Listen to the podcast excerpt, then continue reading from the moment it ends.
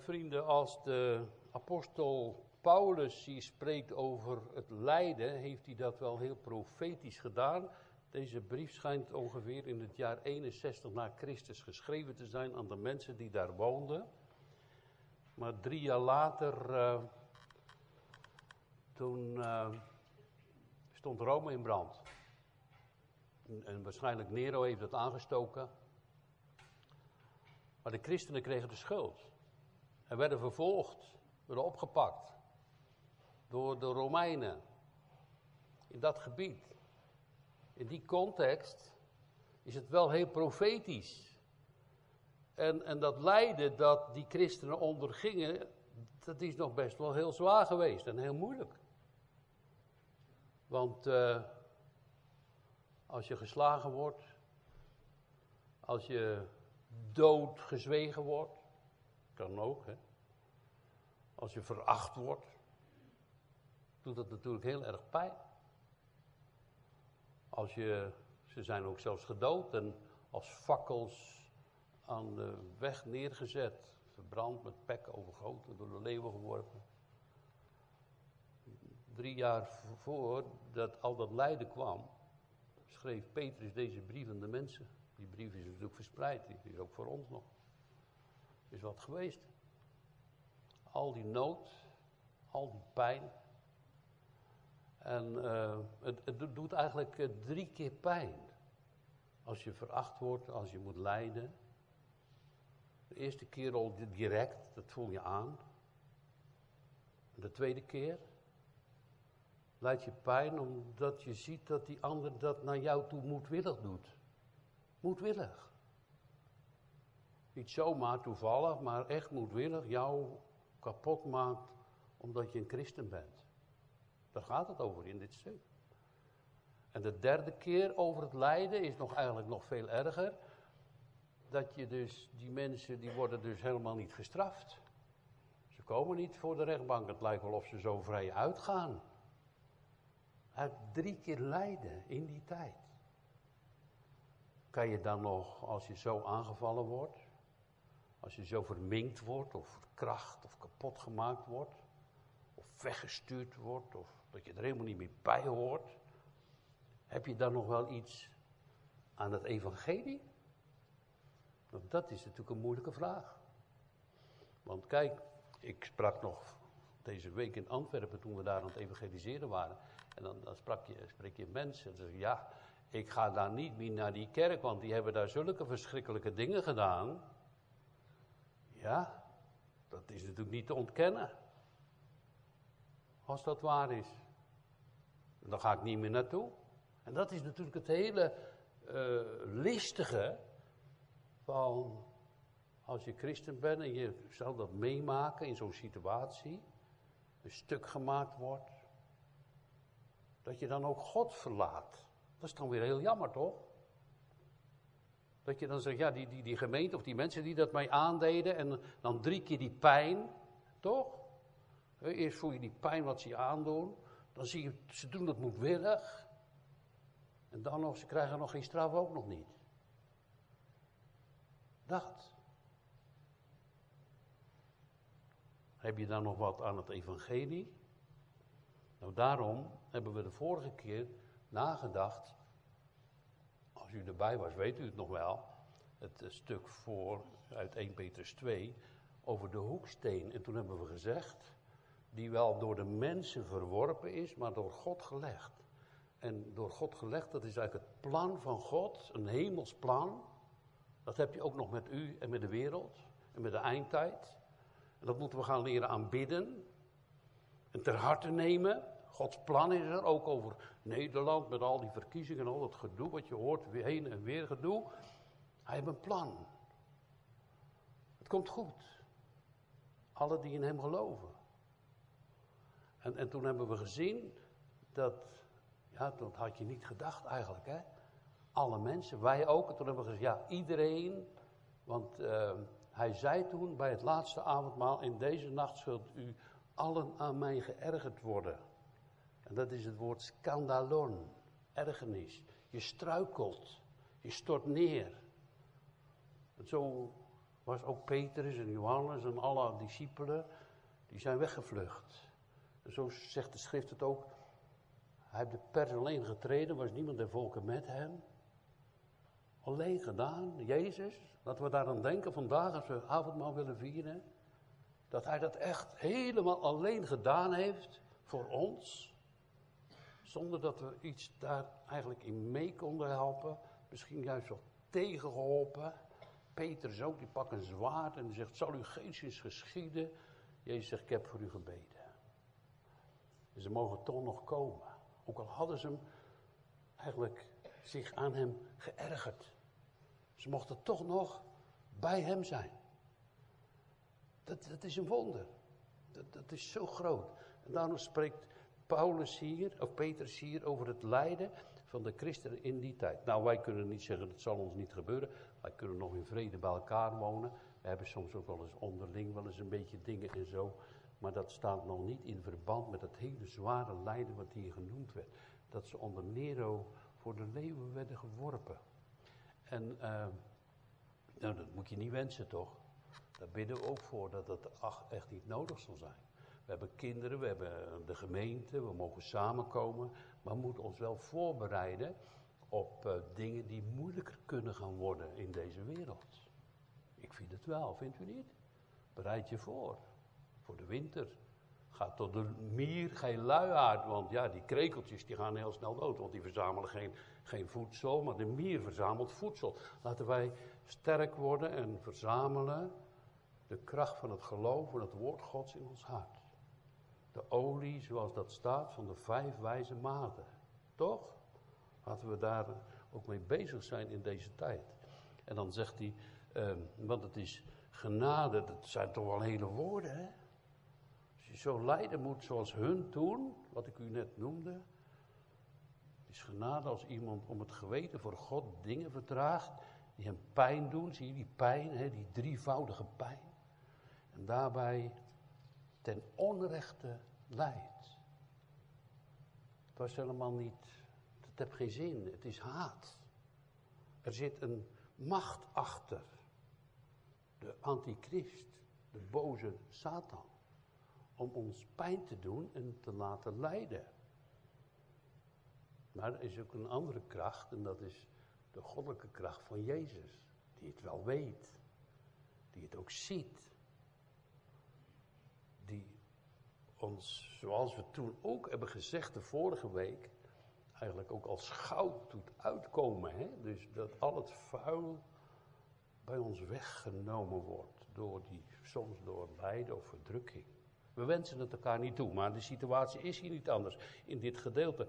Want uh, hij zegt daar ook bij wat voor roem is er als u het uh, geduldig ver, verdraagt als je zondigt.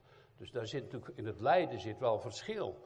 Dus als je zondigt, dus je hebt foute dingen gedaan en je, ja, ja, je moet in de gevangenis of een bekeuring of God is toornig over jou.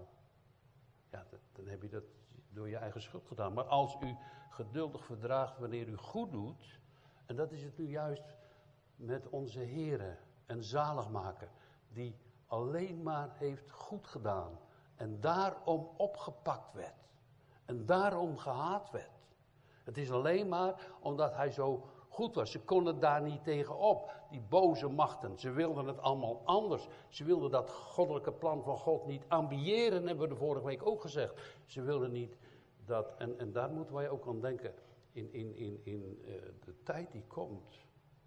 Aanbid hem nederig heel uw leven. Er is dus een koninkrijk van God, waar hij koning van is. Dat je daarbij mag horen. Johannes had het al gezegd. Johannes de Doper. Zie het lam van God. Het koninkrijk van God is tot u gekomen. En dan, en dan leef je in deze wereld. Want als je een gelovige bent in Jezus Christus, ben je dezelfde gelovige als deze leidende mensen toen, onder Nero. Dezelfde christen. Je bent dezelfde christen met hetzelfde geloof. Als één familie. Dat je gaat luisteren wat hij wil. Nou, dat zegt hij. Hij zegt, hiertoe bent u geroepen, zo. Nou ja, uh, wij weten het uit. Ja, we hebben allemaal wel dingen. Uh, niet te kinderachtig zeg ik dan wel voor mezelf dan. Ik kan u lijden of uw verdrietige dingen niet uh, peilen in die mate. Maar je kan ziek zijn en verdrietig zijn of je veracht voelen of kapot gemaakt weten. Absoluut, gebeurt ook onder ons. Ik ga het zeker niet bagatelliseren. Maar hij zegt, want hiertoe bent u geroepen, opdat ook Christus voor ons geleden heeft. Hij laat ons zo een voorbeeld na, opdat u zijn voetsporen zou navolgen. En in dat navolgen van Jezus als de goede herder, soms op steile plaatsen, op moeilijke wegen, is er loon, is er aanbidding, is er erkentenis dat je bij de kudde hoort. Dat. Nou, Petrus hebben gedacht, ik hoor helemaal niet meer bij de kudde. Maar Jezus heeft gezegd, ik heb voor jou gebeden. En als hij zegt om te verdragen, nou dat deed Petrus ook niet, want die hakt zomaar het oor van Malchus af. Zo. Ja, als Petrus dit zo later gaat zeggen en op laat schrijven, dan is hij door Gods genade en zo is het ook met ons gered, gedragen en meegenomen met Christus, die ons lief heeft en van ons houdt. Onvoorstelbaar. Hiertoe bent u geroepen om zijn voetsporen te volgen. En, en, en, en dan staat het er. Nou, wij hebben altijd nog, als je naar jezelf kijkt, dan denk je, ja, dat was niet goed. Of, of, hè? Of, vindt u zichzelf helemaal goed? Ik, ik niet. Ik vind wel dat je het oude zondige lichaam ook meeneemt. Toch? In gedachten, woorden. Maar van Jezus niet. Hier staat, hij die geen zonde gedaan heeft en in wiens mond geen bedrog gevonden is. Dat, dat is gewoon heerlijk, want daarom was dat lam ook, Jezus het offerlam, werkelijk heel goed om ons te redden. En dat er geen bedrog in zijn mond geweest is, wat hij zegt is ook echt waar. Je mag erop aan dat hij zegt, wie tot mij komt, ik zal hem nooit uitwerpen. Het is gewoon waar wat hij zegt. Geen bedrog, hij liegt niet. Hij blijft dezelfde, al die eeuwen door. Wij veranderen maar en dit verandert en de wereld verandert en dat is aan de hand. Hij niet. Zo zei iemand uh, over onze broeder Tony de Reuver, die heeft echt met op wonderlijke manier een hele mooie woning gekregen. Ja, kan ook nog in deze tijd. Ja, natuurlijk, want God is niet veranderd. Want hij hoort mijn stem. Zo zingen we dat, toch? Zo mogen we hem aanroepen. Hij verandert nooit. Dat is een geweldig woord hier van Petrus. Dus, dus, dus ja, hij blijft dezelfde. Geen bedrog, hij heeft nooit gelogen. Hij haat ook de leugen. Die toen hij uitgescholden werd, dat is wel moeilijk hoor, niet terugschold. En toen hij leed, niet dreigde. Ja. Nou ja, dan kan je zeggen, dus eh, ja, kijk, als je, je wordt dus uh, zoals hun toen, hè, het kan met ons ook zo zijn, geplaagd, dat je drie keer pijn lijdt. Je wordt miskend of vervolgd of wat ook maar. Je voelt de pijn in je lichaam of in je gedachten. En, en dan nog dat ze het moedwillig doen. Dat is bij Jezus gebeurd, toch? En dat ze dan nog niet veroordeeld werden, want ze konden gewoon verder gaan, het hele Sanhedrin. Ze konden gewoon verder gaan. Ze gingen nog verder met vervolgen. Ja. Is dat, is dat, zou dat een goed woord zijn als je een heel moeilijk leven hebt gehad? Of dat je verkracht geworden bent, of kapot gemaakt geworden bent? Of weggestuurd geworden bent, dat je zegt, nou jij moet maar overgeven. Dat vind ik niet een goed woord. Want hier staat het ook niet. Ik ga het met u lezen. Kijk. Uh, toen, die toen hij, Jezus, toen hij gescholden werd, niet terugschold. Toen hij leed, niet dreigde. Maar hij gaf het dus over in Gods handen. Die rechtvaardig oordeelt. Dat is het. Hier wordt gezocht naar recht. Over al die dingen die gebeuren.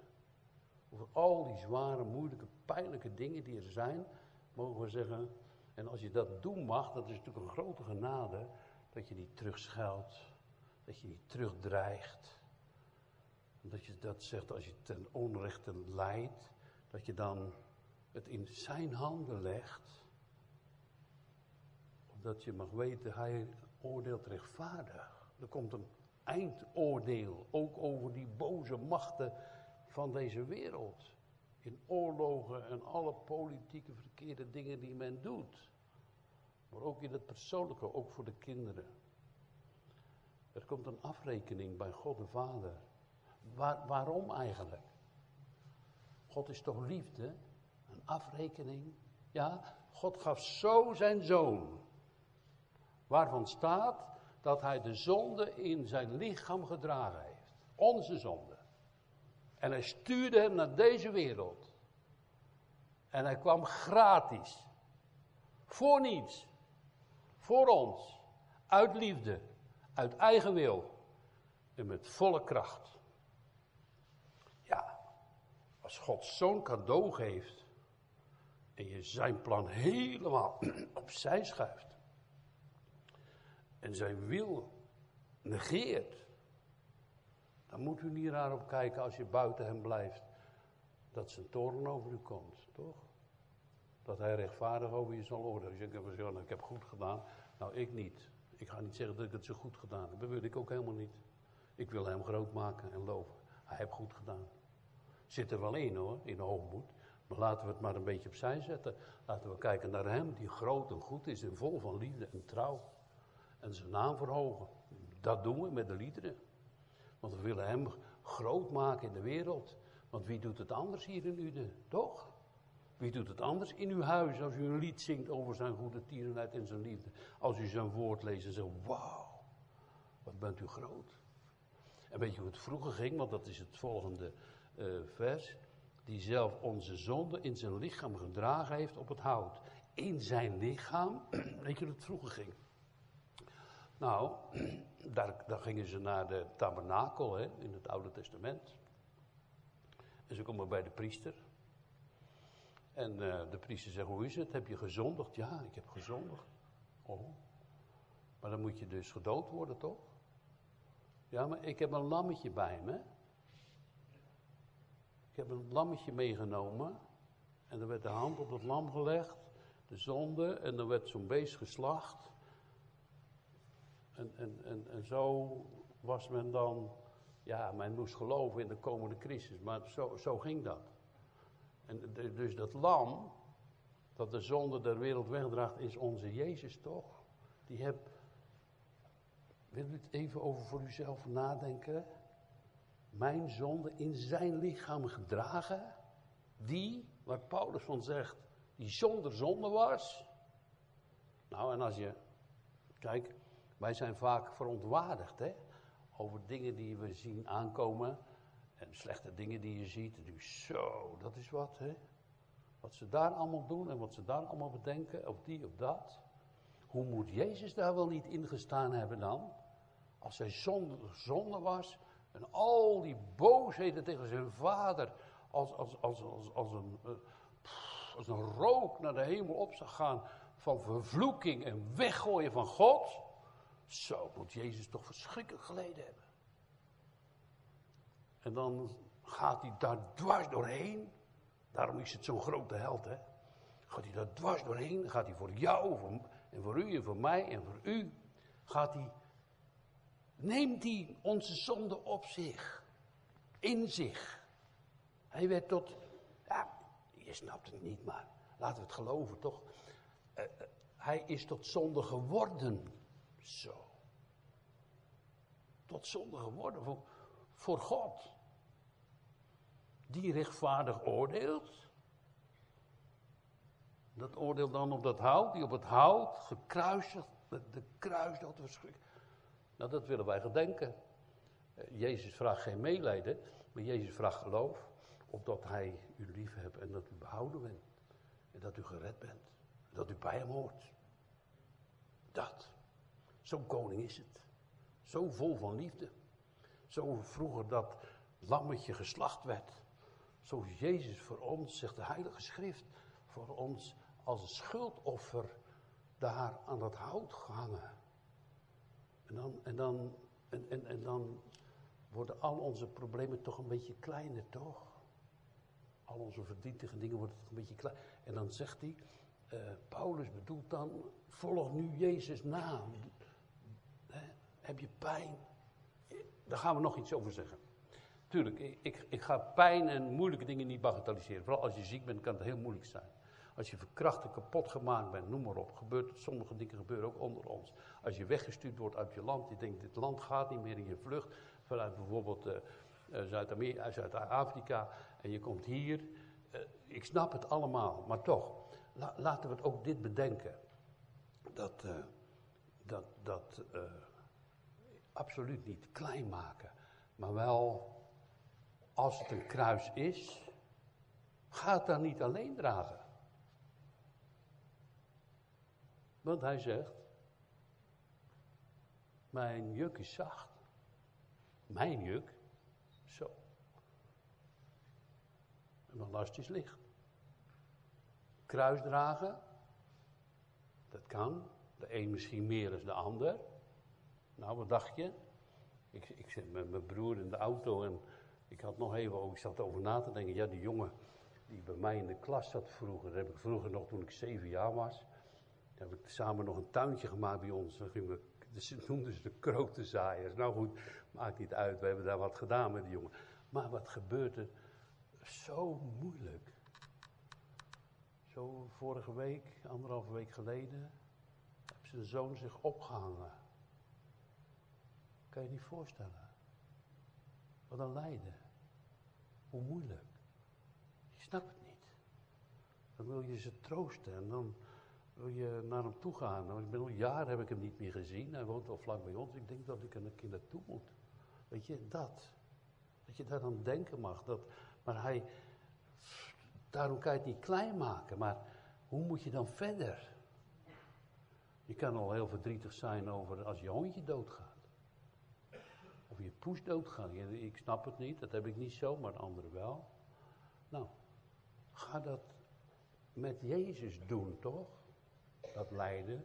Of juist ook, wat ik natuurlijk ook, ja, als je zo helemaal in, in deze kant predik, ga dan ook de goede dingen met hem delen, toch?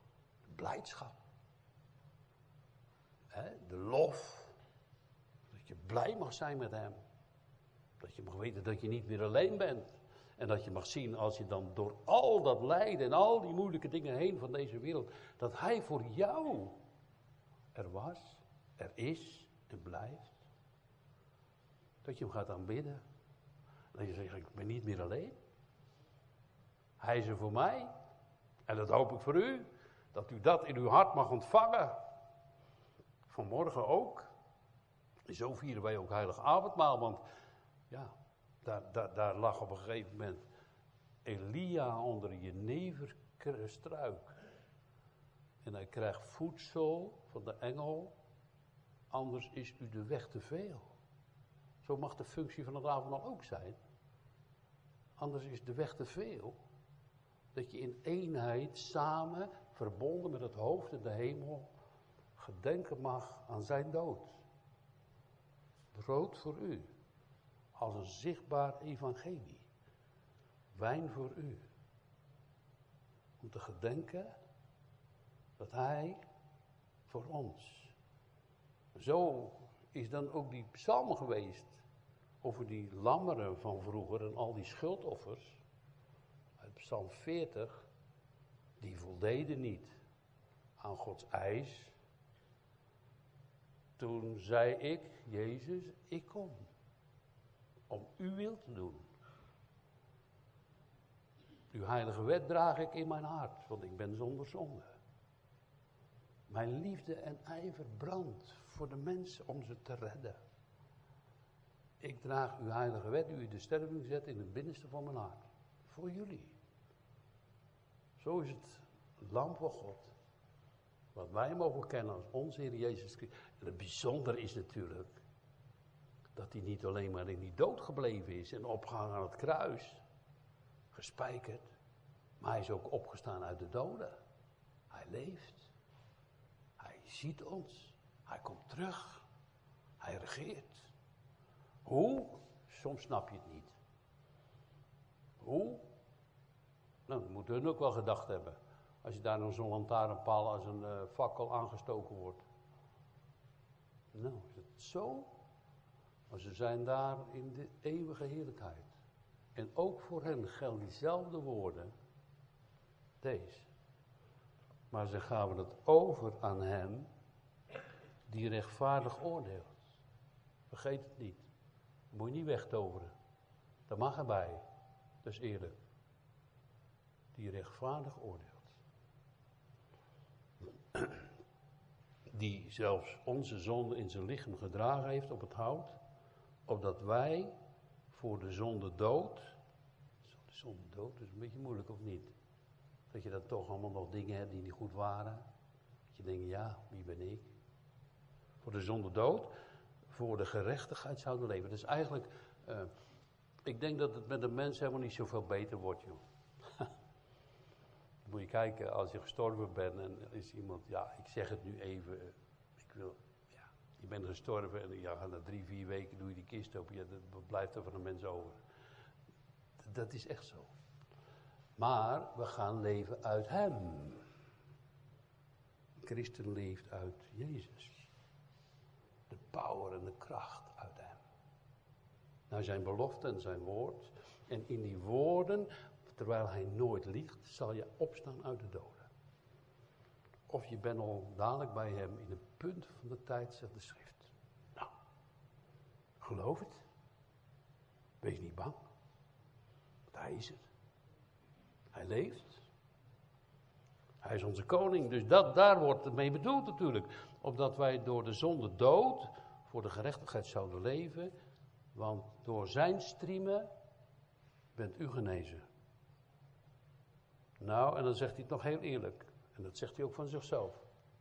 Hij zegt, want u was als dwalende schapen. Zeg maar, ja, waar moet ik nou heen? Waar heb ik mijn steun? Waar heb ik nu mijn mijn anker, waar heb ik nu mijn fundament? Jullie waren dwalende schapen, maar nu is er iets omgekeerd in je hart. Tot de goede herder. En opziener van uw zielen. Dat is ook een heel mooi woord. Een opziener, dus kijk, hij bewaart uw ziel als je in hem gelooft. En je ziel, ik heb toen wel eens een lezing gehad voor jongeren. Hè? Dus heb ik gevraagd, ja, wel eens meer verteld, maar toch maar even over dit punt dan. Uh, wat is het belangrijkste wat je hebt? Wat is het belangrijkste wat je hebt? Nou, mijn auto, mijn huis, gezondheid, familie, blijdschap. Nee, uw ziel die is eeuwig. En die zal hij bewaren. Hij is een, dus een bewaker, staat hier, van onze ziel. Uw ziel zal hij bewaren. Dat is natuurlijk bij Petrus helemaal gebeurd. Want ja, Petrus was zo verdrietig, liep hij weg uit de overigens, uit, uit, uit, de, uit, het Sanhedrin. Dat is een meester vervloekt dat. Ik heb voor u gebeden. Zijn ziel bewaard. Nou, ik hoop het voor u. Dan is het altijd goed. Dan kom je thuis. er zitten bij twee, een paar jonge jongens hoef je echt niet oud voor te zijn hoor. En ik ben wel wat ouder, maar ik vind christen zijn niet saai. Maar het is soms wel een heel gevecht. Ik denk vooral als je jullie jeugd, als je klein bent, dat het wel moeilijk is, ja, in deze tijd. Daarom ouderen wil je voor die kinderen bidden. Voortdurend. Omdat ze bij Jezus horen. En thuiskomen. Dat is het allerbeste wat we elkaar kunnen wensen en kunnen vertellen. En kunnen getuigen van Hem, die eeuwig leeft en nooit loslaat. Het werk wat zijn hand is begonnen. Dwalende schapen, ja, dat wel. Maar nu is het veranderd, omdat ik het evangelie hoorde, ook in verdrukking. En toen ben ik juichende, zei iemand, ik niet, de brandstapel opgegaan en ik heb hem groot gemaakt. En ik was thuis bij Jezus, die rechtvaardig oordeelt. Amen.